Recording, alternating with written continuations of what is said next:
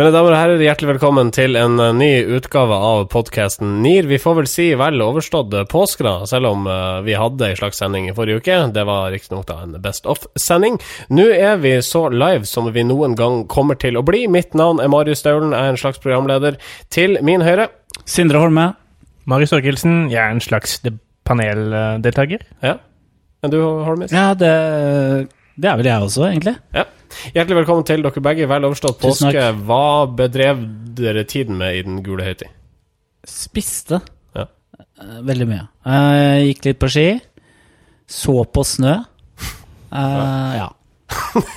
det var det. I stikkord. Ja. Form. Jeg, jeg, jeg fikk låne en bil eh, av noen jeg kjenner, så det, jeg har kjørt eh, rundt omkring. Jeg har vært i Hedmark, jeg har vært i Østfold, eh, i Frekstad til og med, faktisk. Oi, jaså. Gamlebyen. Ja. Eh, jeg har vært i Vestfold. Eh, og der har jeg gjort liksom, påskete ting. Spist påskeegg. Uh, lest uh, faglig tungstoff på kampanje.com, Ja. og uh, kost meg. Det er slik en kommunikasjonspåske skal være, det. Ja. I dag så gjør vi noe som vi relativt sjeldent gjør, nemlig å ta inn gjester i programmet. Vi har jo riktignok hatt erstattere her, og så har vi hatt Fredrik Johnsen på besøk en gang. Mm, Men ja. utover det så har vi ikke hatt noen gjester. Nei, vi har også hatt intervjuobjekter. Ja, det har vi hatt. Eh, Brian Tollis blant annet gjorde en uh, uforglemmelig opptreden i Nier. Ja, I lommen til Sindre Holme der. Pussig at du ikke gjentok den suksessen, egentlig. Ja, det er kjemperart, egentlig. Veldig rart. Men vi har i hvert fall gjest i dag, da.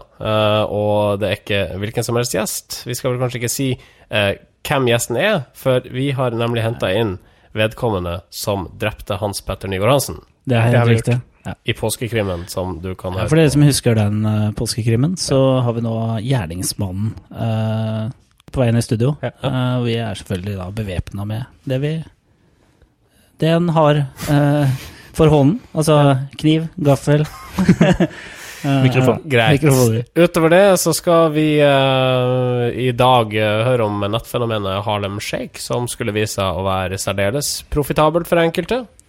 Vi skal eh, snakke om en eh, brus som eh, er på litt gyngende grunn. Ja vel? Og vi skal prøve å finne ut av hva et av de store buzzordene i bransjen nå om dagen egentlig betyr. Spennende, spennende. Ok, da sier vi hjertelig velkommen til NIR, episode 26. Norske informasjonsrådgivere. Aller først i denne sendinga så skal vi til Dagbladet. Der eh, er man ikke ukjent med dette beistet som eh, angivelig herja landet vårt hver sommer, nemlig flåtten, og nå har den jaggu meg gjort sitt inntog i Norge. Det er midt på vinteren. Eh, faktisk, jeg var ute her og tok meg en joggetur til morgenen i dag, og det var is. Altså ikke Altså faktisk eh, Og ganske stor tykkelse på den isen jeg Ja. var ute og jogga på, men eh, altså Flåtten er antageligvis under der og Bore, er på vei til å bore seg gjennom isen, tenker jeg. Ja, jeg overlever kanskje da jeg sa midt på vinteren, men det er da i hvert fall ikke skikkelig vår ennå. Nei, men, eh, men denne uken kunne altså Dagbladet melde på sin forside at nå har den farlige flåtten våknet. Eh, og dette er jo en forside som eh, feller seg inn i eh, føljetongen av eh, Dagbladet-forsider om flått. Eh, og det som begynte som en litt sånn ha-ha, så mye Dagbladet skriver om flått-greie, har nå utviklet seg til å bli en sånn nesten en sånn varemerke for avisen. Jeg vet ikke, En sånn ting som at det er sånn koselig. Men hva gjør flåtten på denne tiden av året, tenker jeg? Og lurer jeg på, og forventer svar på. Ja, den våkner. Eh, Nå er den liksom på vei til å begynne å bevege seg igjen. Og på å flytte ut i stadig nye områder i Norge, skog pluss mark, eh, hvor den kan eh, overfalle intetanende nordmenn på joggetur, f.eks. Så det som vi kan lære av Dagbladet, det er at eh, flåtten den er litt sånn som bjørnen. Den er i dvale og våkner når den er sulten. For det er liksom det som er uh, tittelen her. 'Nå er flåtten sulten', eh, skriver Dagbladet. Ja. Og så har de også en, eh, en undertittel her, som er 'Slik blir flåttsesongen'. Så de, her spår de egentlig hvordan det vil bli i Hurdal, i Lærdalstunnelen Sør- og Altså, stat. Ja, sør og nord for stat. og inni hver eneste krik, krok og fjordtarm i vårt langstrakte land. Uh, men jeg syns det er litt interessant at uh, på den seriøse siden av det, at de faktisk istedenfor å bare la folk le av seg og uh, slutte å skrive om det, så har de liksom tatt enda mer eierskap til det. Det virker nesten som om de gjør det på trass. For Dagbladet har sånn de siste eh, to årene hatt en sånn som 20-22 flottforsider, Ja. eh, og det er ganske mye. Det er en ganske høy flott ikke flott ratio, føler jeg. Eh, det skal også sies at når jeg søker på den saken i mitt uh, Kvasir nyhetssøk, så er det slik at jeg får den opp Altså, jeg kommer bare til Dagbladets betalingsmur. Så Ja. dette er altså en betalsak. Ja, ja. Det- Du får ikke tilgang til gratis flott-tips. det skal du jaggu meg ikke få.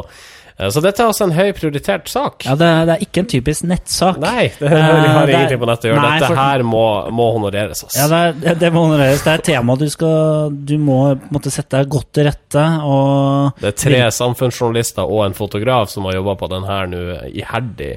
Mens VG jobba med sine barnehageavsløringer, så kom eh, Dagbladet med dette her. Er det en nyhet? Altså, det er vel en nyhet da at den flåtten har våkna så tidlig, da. Da burde kanskje det stått på uh, forsiden. Rekordtidlig flått Uh, oppvåkning. Sjokkflott. Sjokkflott, ja.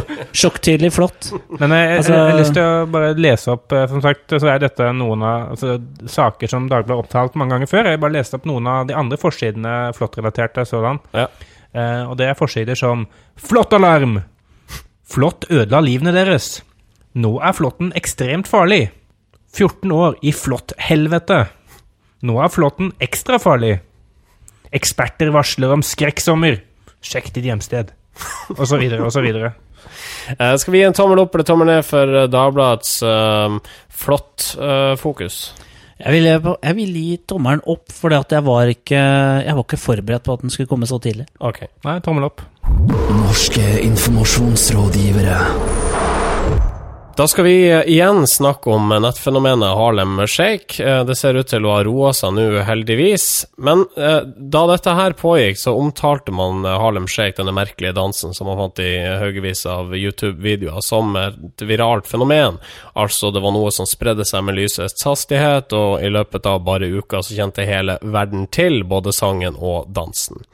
Men dette var ikke noe som gikk viralt av seg sjøl, det var nøye kalkulert og opphypa fra personer som satt bak og tjente gode penger på det. Ja, det stemmer. Uh, Kevin Ashton uh, for nettstedet Quartz han uh, har en ganske interessant artikkel om, om Harlem Shake og hvordan det eksploderte på nettet. Og han eh, henviser til at eh, opprinnelig så var det eh, noen som lagde denne Harlem Shake-videoen for første gang. Og dette skjedde visst 30. januar, hvor det var en amerikansk college-student som tok opp et klipp av at man dansa til denne Harlem Shake-videoen. Uh, og dette ble så kopiert av noen andre YouTube-brukere som lagde tilsvarende videoer.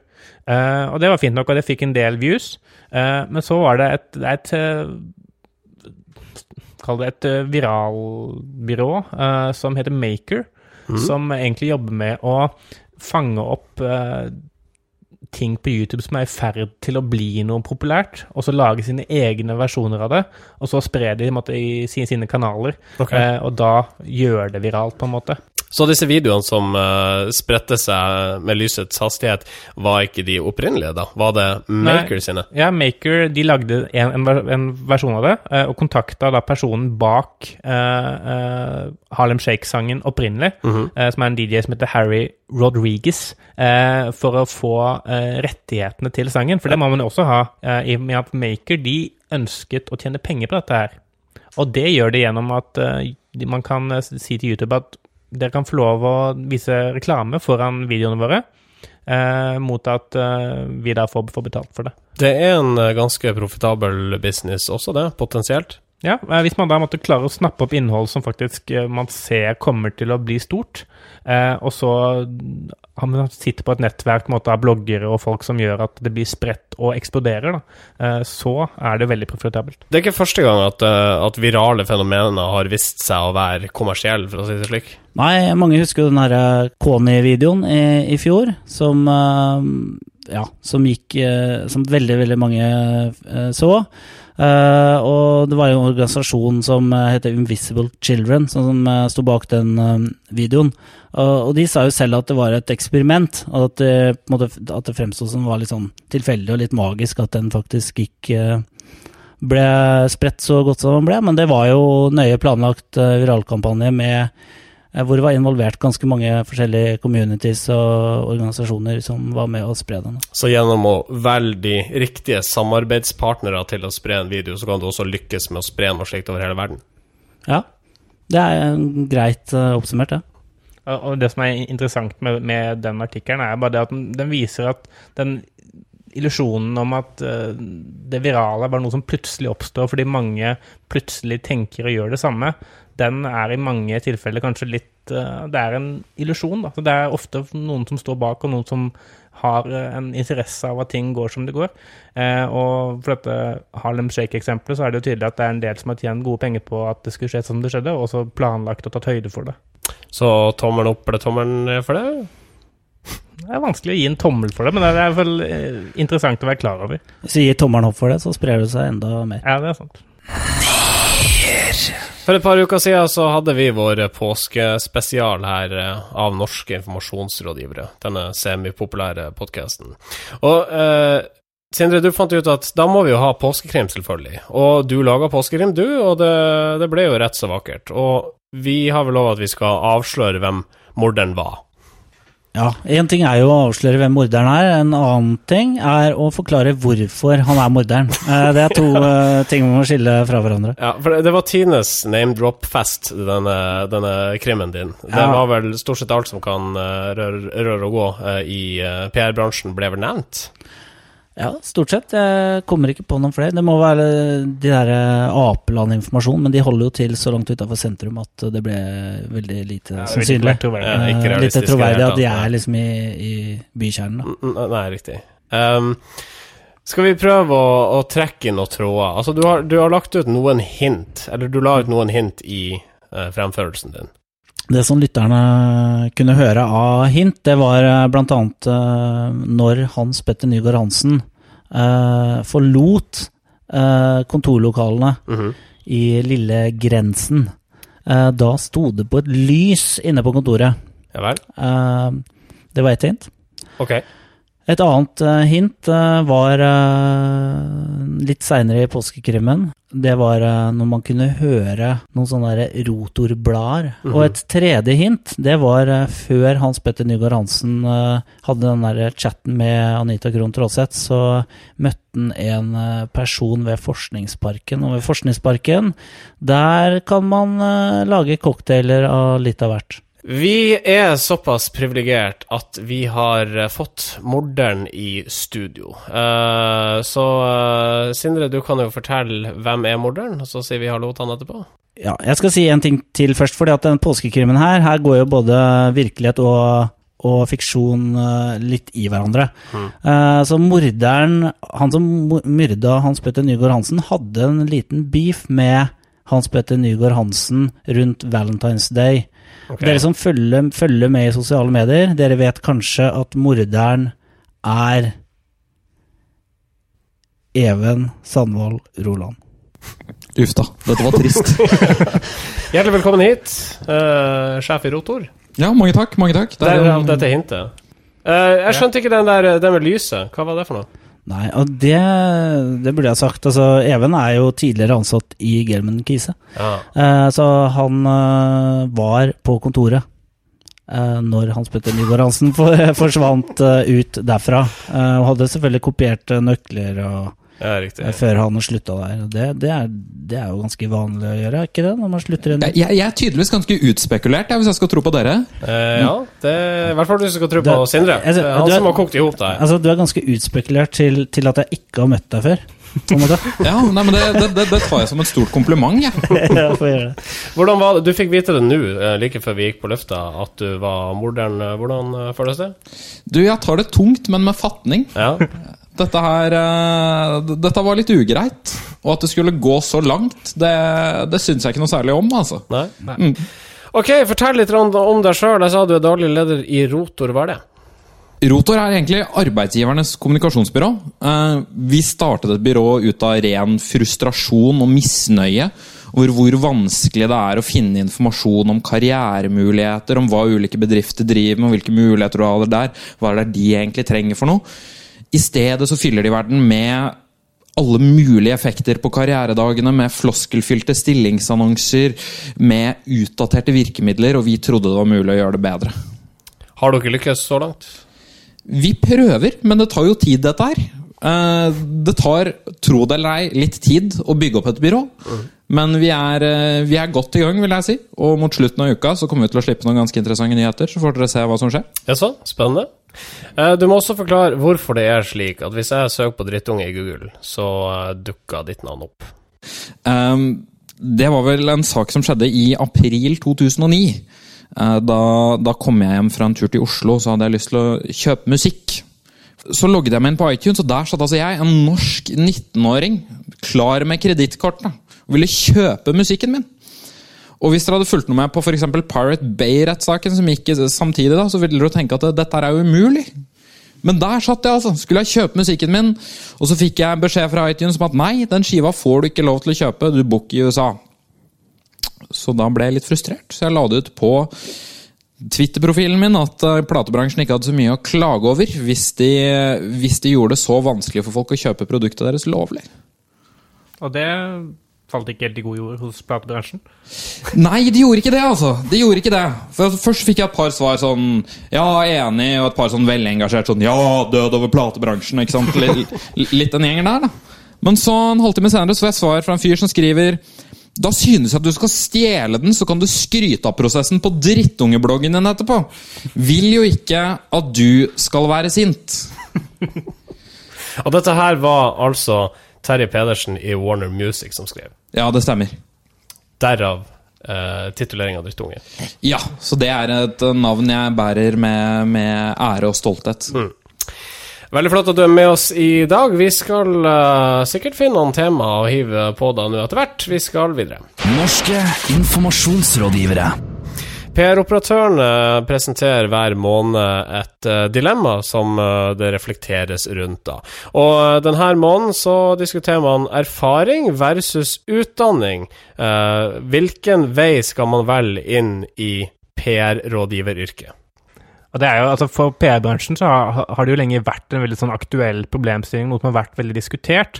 Og Hvis man ser PR-bransjen i, i Norge da, i et sånt 15-årsperspektiv, eh, så ser man jo at eh, for 15 år siden så gjaldt det først og fremst at du har jobbet at du hadde jobbet i en eh, redaksjon, at du kjente til redaksjonslivet og visste sånn cirka når eh, de ulike journalistene hadde deadline, og, og hvordan du, når du skulle ringe dem, og hva slags stoff du skulle presentere. Hva de likte å skrive om? Ja, hva, hva de likte å skrive om, og hvordan det gikk på hjemmebane, for da kunne du liksom trykke på noen knapper. da. Eh, etter hvert så har jo PR-relaterte utdanninger dukket opp i Norge, bl.a. på BI. Eh, Volda har et fint program, Høgskolen i Agder eh, har noe relatert. Og som har gjort at PR og måte, kommunikasjon i større grad har blitt kanskje en profesjon. da, eh, Som betyr også kanskje at utdanning i seg selv blir mer verdt, fordi det finnes, eh, om ikke én masteroppskrift, så finnes det i hvert fall tilnærminger som er utprøvd og som er eh, testet, da, som man kan lære seg og, og bygge, bygge videre på. Even, du gikk rett fra videregående og inn i GKs lokaler. Ja, det var eh, i grunnen en ganske spesiell opplevelse å spasere rett inn der som 19-åring. Ja, Kanskje eh, en ganske uvanlig ting å gjøre også for en 19-åring. Det er vel ikke så mange 19 år gamle PR-rådgivere der ute?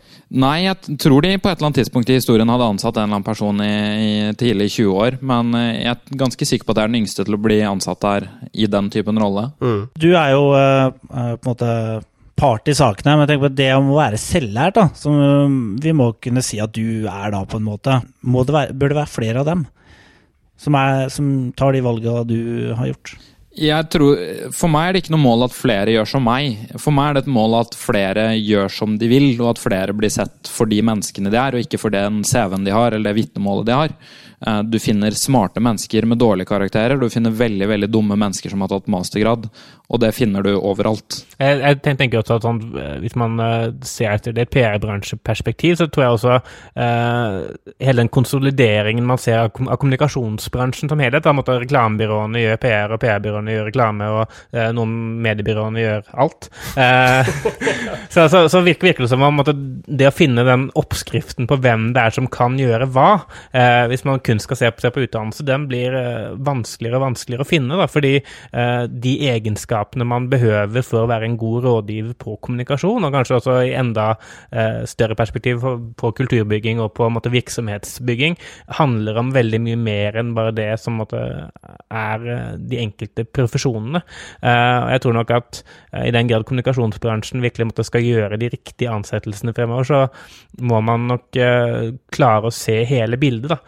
Eh, så i den grad kanskje om det er et dilemma eller om det er komplementærende ferdigheter, det, det er kanskje litt vanskelig å si noe om, men, eh, men jeg, jeg tror at det perspektivet der er veldig viktig.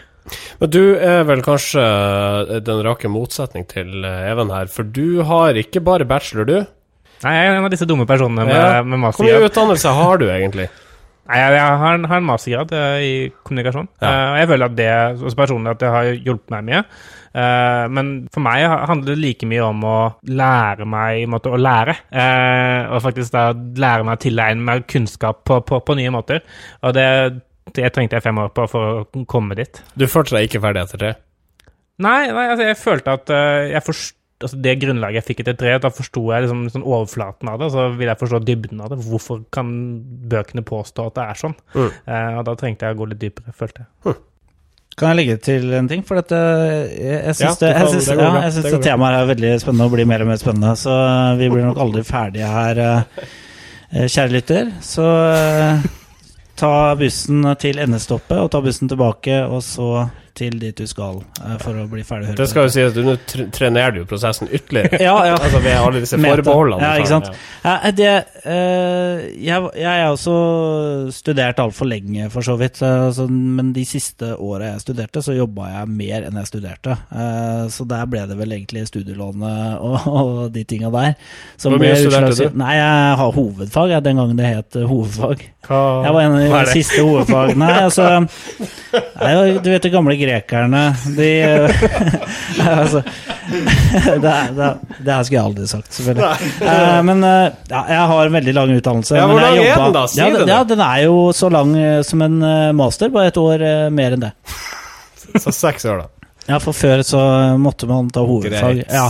Men det som jeg skal si, da, det var at jeg, jeg jobba eh, på siden, og jobba mer enn jeg studerte. Og nå, nå som jeg er PR-rådgiver i et mediebyrå, så merker jeg litt det her Det, der, det er veldig digg på en måte å være litt sånn her fremmed fugl i et uh, nytt miljø, for da må du hele tiden prøve å finne din posisjon, eller du må hele tida reflektere over hva du kan, da, egentlig. Eh, For hvis du jobber med det du hadde tenkt Altså, tar en utdannelse, og du jobber med det som utdannelsen tilsier at du skal jobbe med, så kan du Ja, så tror jeg du kan uh, slippe å reflektere for mye rundt hva du egentlig kan. Uh, og jeg tror det er sunt å reflektere mer rundt det, egentlig. Men hva, hva, hva opplever du sånn når du møter arbeidsgivere som gjerne vil tiltrekke seg nye og flinke folk? Altså, hva er de opptatt av?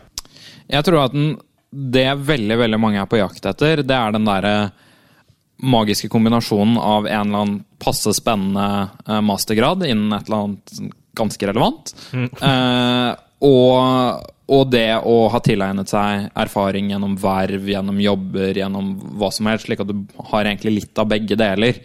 Eh, og det pleier ofte å være smarte mennesker. Det er klart det gjør det. Men det krever jo veldig mye av disse menneskene. da. Det gjør det. Og min teori er at eh, utdanning for mange, i hvert fall for mange unge, så tror jeg det handler vel så mye om modning som det handler om å faktisk ta utdannelsen. Altså Jeg skal ikke si at jeg hadde blitt like klok om de hadde sittet i en stol de fem årene i stedet for å dra på skolen, men, men eh, jeg, jeg tror det handler vel så mye bare det om å være i møte med mennesker, om å oppleve ting, om å jobbe med ting. og jeg tror kanskje det er nettopp derfor veldig mange smarte mennesker som har kommet langt, sier at det viktigste de gjorde, det skjedde ikke i forelesningene. Marketing 3.0. Social business. Cloud computing. Social shopping. Begrepsforvirring. Og begrepet som forvirrer oss denne uka, som vi eh, forhåpentlig får meget kvalifiserte svar på eh, også, er employer branding. Employer branding er jo et av de begrepene som det virker som i kommunikasjonsbransjen eh, nå er det begrepet som kanskje kastes mest rundt, og som flest rigger seg for å kunne ta en del av. Eh, flere byråer, inkludert mitt eget, eh, ser på mulighetene for å eh, ta en måte, employee branding og tjene noe penger på det, på en eller annen måte. Eh, og det går egentlig på det å i det store og hele så, så handler det om, om merkevarebygging, men i et sånn rekrutteringsperspektiv. Da, og faktisk finne ut av hvordan man kan uh, prøve å uh, gjøre virksomheter attraktive for potensielle ansatte. Even, eh, man skulle tro at du kunne gi oss et svært godt og konsist svar på dette. Hva er employer branding? Employer branding det er resultatet av å ha en fantastisk arbeidsplass og klare å fortelle andre om det.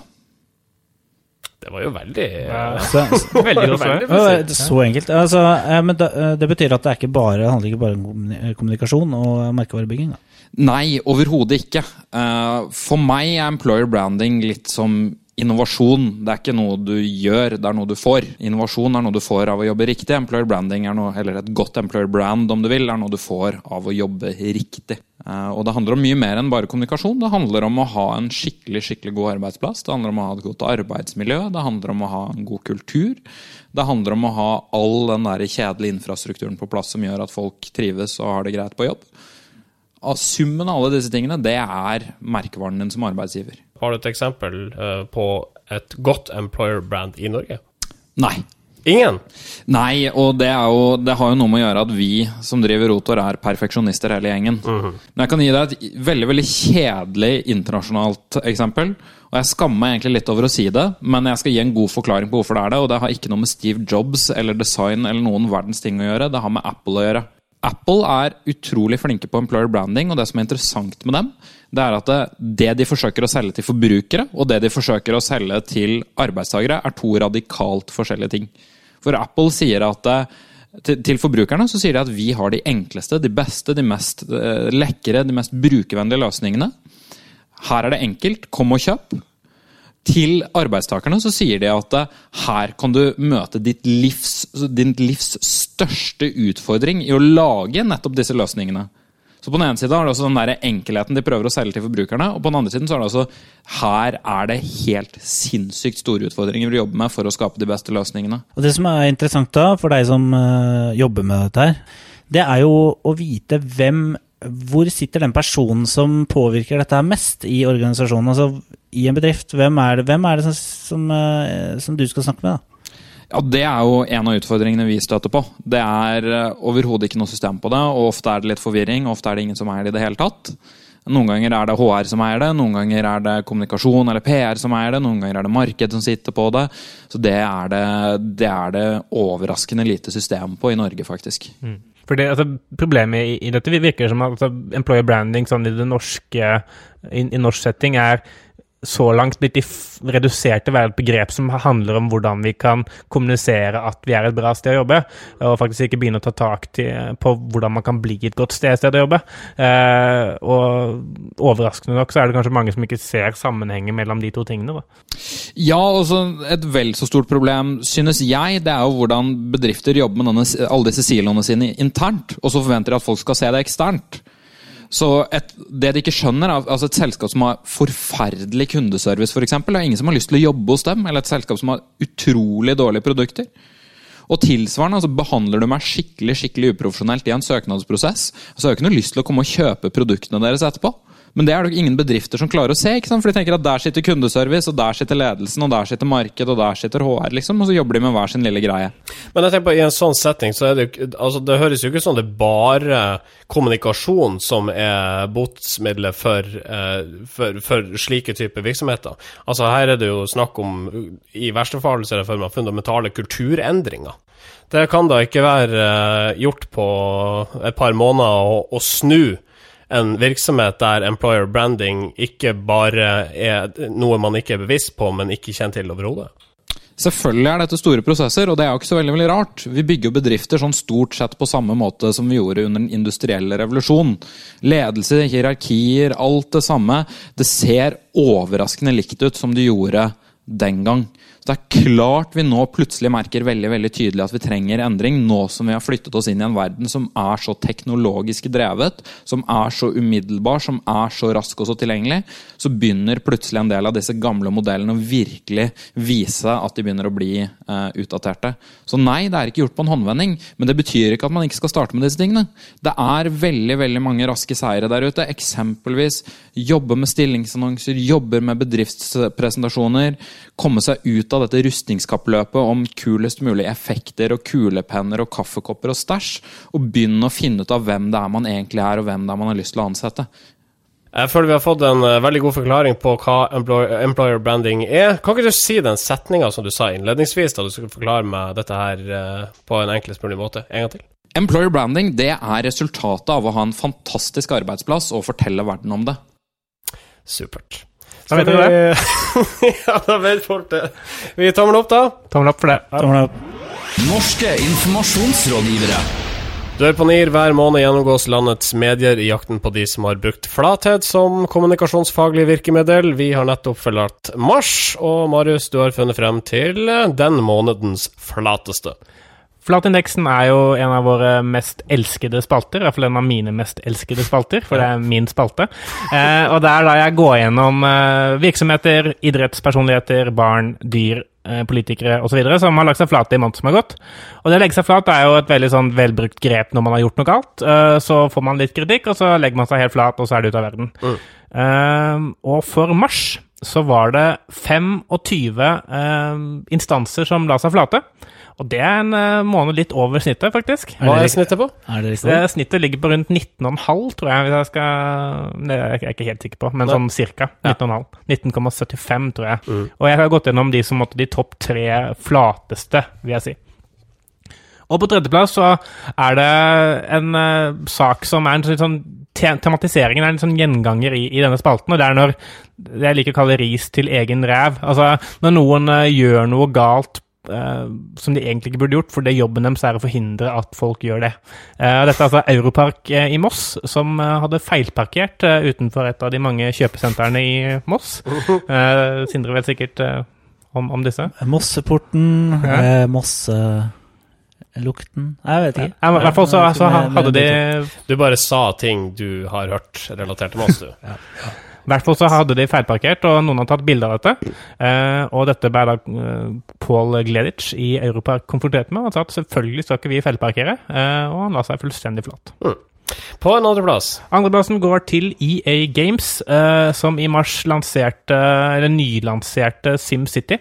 Eh, og den nyeste versjonen av SimCity er det spesielle i og med at man må være koblet til nettet for å spille det. Eh, ifølge EA Games var dette et designvalg som gjorde at spillet ble bedre, og man måtte, måtte være sånn. Eh, og så krasja jo serverne til EA eh, fordi det var så stor pågang. Og da var det noen som fant ut at hvis de bare modifiserte spillet litt, så kunne man ta bort det kravet om at man må være online. Eh, Så det viser at dette var ikke et eh, designvalg, dette var kun et sånt eh, valg som var gjort for at folk skal ikke kopiere det og, og bruke mest mulig penger på, på spillet. Så hvem la seg flat, da? Ja. Eh, EA Games har vært ute og lag- lagt seg flate for, at, eh, for, for det første for at serveren deres krasja, og for at de jugde om at eh, det som egentlig var et griskhetsvalg, var et designvalg. Ok. På en førsteplass denne måneden. Førsteplassen er delt mellom Spellemannsprisen og Konserthuset i Stavanger. Eh, hvordan når de avviklet årets versjon av Spellemannsprisen, så hadde de jo solgt billetter til Spellemannsprisen til folk kunne komme og se på i det flotte nye Konserthuset i Stavanger. Det de ikke hadde sagt da, til halvparten av de som kom, var at uh, billetten de hadde kjøpt, det var i salen ved siden av der uh, utdelingen faktisk skulle skje. Uh, så de fikk se utdelingen på storskjerm. Eh, Ja, de fikk, ja, de fikk vel også med seg utdelingen av folke, beste folkemusikk. Ja, de får jo med seg alt. Eh, nei, men nei, det var noe som foregikk i den salen. Ja, det var men det to var de mar ganske Ja. marginale beste samtidsmusikk. Beste omreisende danseband. Ja. Det var en sånn type, dette var også de dyreste plassene visstnok, da, som måtte være plassert den salen ved siden av der faktisk eh, meste skjedde. Men alt det kule, det måtte de da se på en diger screen. Ja. Eh, så det er liksom å betale for å måtte gå på Justin Bieber-konsert, og så må du se det fra en kinosal. Da. Eh, Det var det beste eksempelet. Håper at ikke det skjer. Ja, det hadde vært forferdelig. Men i hvert fall eh, både eh, de ansvarlige for eh, utdelingen og Konserthuset Stavanger har lagt seg flate og sagt at selvfølgelig skal man ikke selge billetter til et arrangement hvor folk egentlig ikke får se det likevel. Så får de pengene tilbake da? Yes. De gjør det. Ja, Even Sandvold Roland, hva er din umiddelbare kommentar til månedens flatindeks? Noen overraskelser her? Nei, altså, dette var jo veldig flatt. Ja, det var det. Og, og, og som alltid så savner jeg at noen faktisk vil gjøre noe, istedenfor å bare legge seg flate. Ja. For det, det er veldig ålreit at du på en måte erkjenner at jo da, her gikk det gærent, men det er veldig, veldig lite handling. Ja. Det er det vi også predikerer i dette programmet, men det har ikke hjulpet overhodet. Det virker som om jo mer vi snakker om det, jo flere er det som eh, legger seg flate. Man tror liksom at det er en vei inn i NIR, tror jeg, at det å legge seg flat. Ja, nå, nå har det blitt konkurranse, vet du. Ja. Førstemann til på toppen til flatenindeksen. Ja. ok, tusen hjertelig takk for eh, månedens flatindeks. Eh, vi hører mer fra den kåringa om en måned. Ukas medieinnsalg. Og prisen for beste medieinnsalg denne uka, den går til brusmerket Solo. Det gjør det. Eh, som veldig mange fikk med seg, så dro jo Solo til Hollywood for en eh, stund tilbake for å bli verdenskjent. Eh, så etter å ha tatt eh, Hollywood, så tenkte de nå er det vel på tide å ta Mauritania. Ja, det, eh, det, det er gjort, da. De, de har sendt ut en de sendte, I mars så sendte de ut en eh, flaskepost fra en, eh, en av Kanariøyene. Eh, for eh, da eh, Sånn at eh, Ja, at folk kunne finne denne flaskeposten. Det var en enormt stor eh, flaske. Sikkert, verdens, sikkert verdens største flaskepost. Og det som er interessant der, er jo at de har jo sluppet den ut uh, på vestkysten av Afrika. Uh, hvor, uh, hvor det er litt eh, konfliktfylt. Hvordan er bruskonsumet på vestkysten av Afrika, egentlig? Eh, det er eh, skyhøyt, tror jeg. Ja vel? Ja, det er, altså, det er jo skyhøyt, sannsynligvis. Eh, men det er, det er ikke derfor Solo har gjort dette. Eh, Solo har jo, eh, sammen med deres eh, notoriske reklamebyrå Try, eh, lagd denne verdens største flaskepost og sendt den ut. Og grepet er ganske enkelt. Altså, hvis man lager noe som er mye større enn det det pleier å være, eh, så får man ofte presse på det, og det har Solo måttet skjønt. da.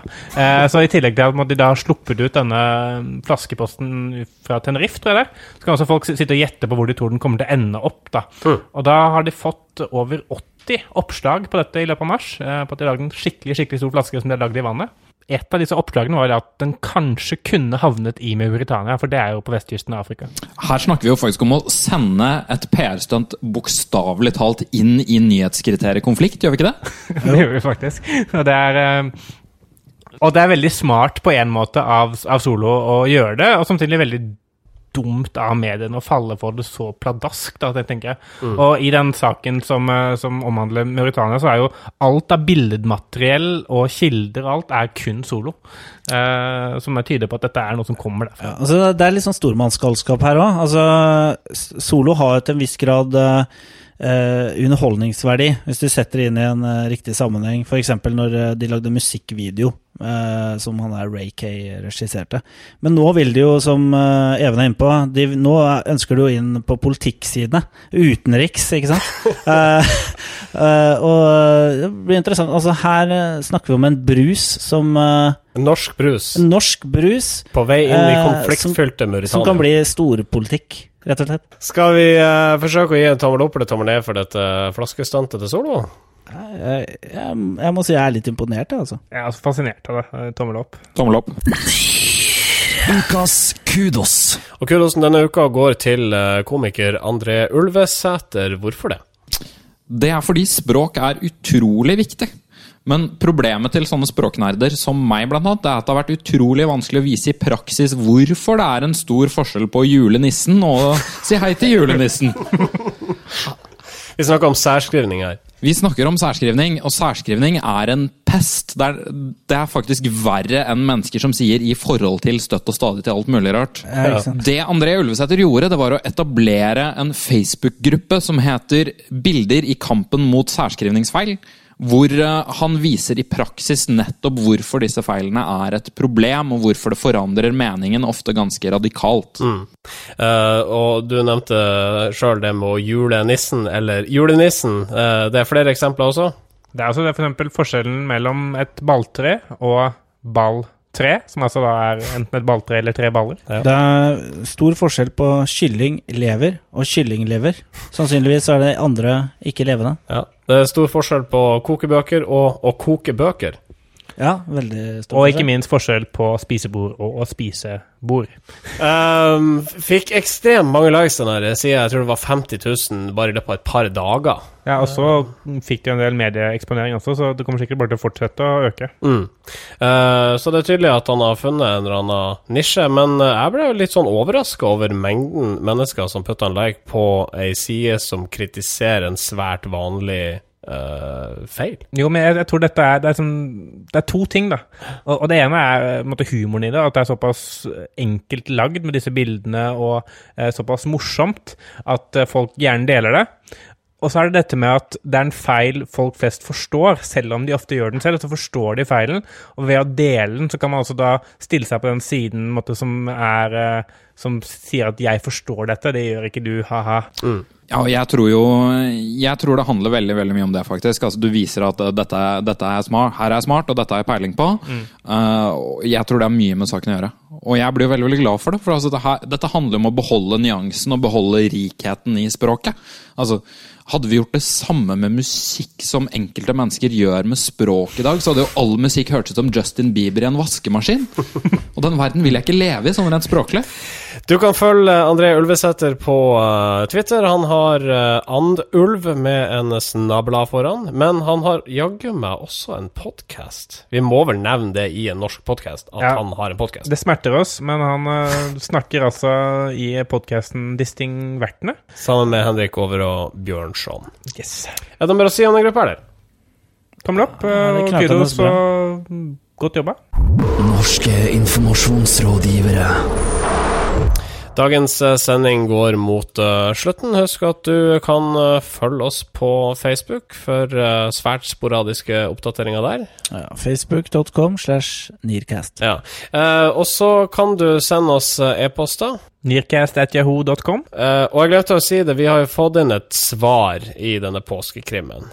Eh, det er altså vår gjest i dag, Even, som drepte Hans Petter Nygaard Hansen med gift. Eh, hvordan var det egentlig han fikk den gifta inn i Hans Petter Nygaard Hansen? Nei, Sindre? altså det, Den ble smurt eh, inn eh, Altså skinnveska til Hans Petter Nygaard Hansen eh, ble smurt inn med gift. Og så tok han på den, og så Tok tørka på seg litt den, under tørka seg litt i ansiktet, som han pleier å gjøre.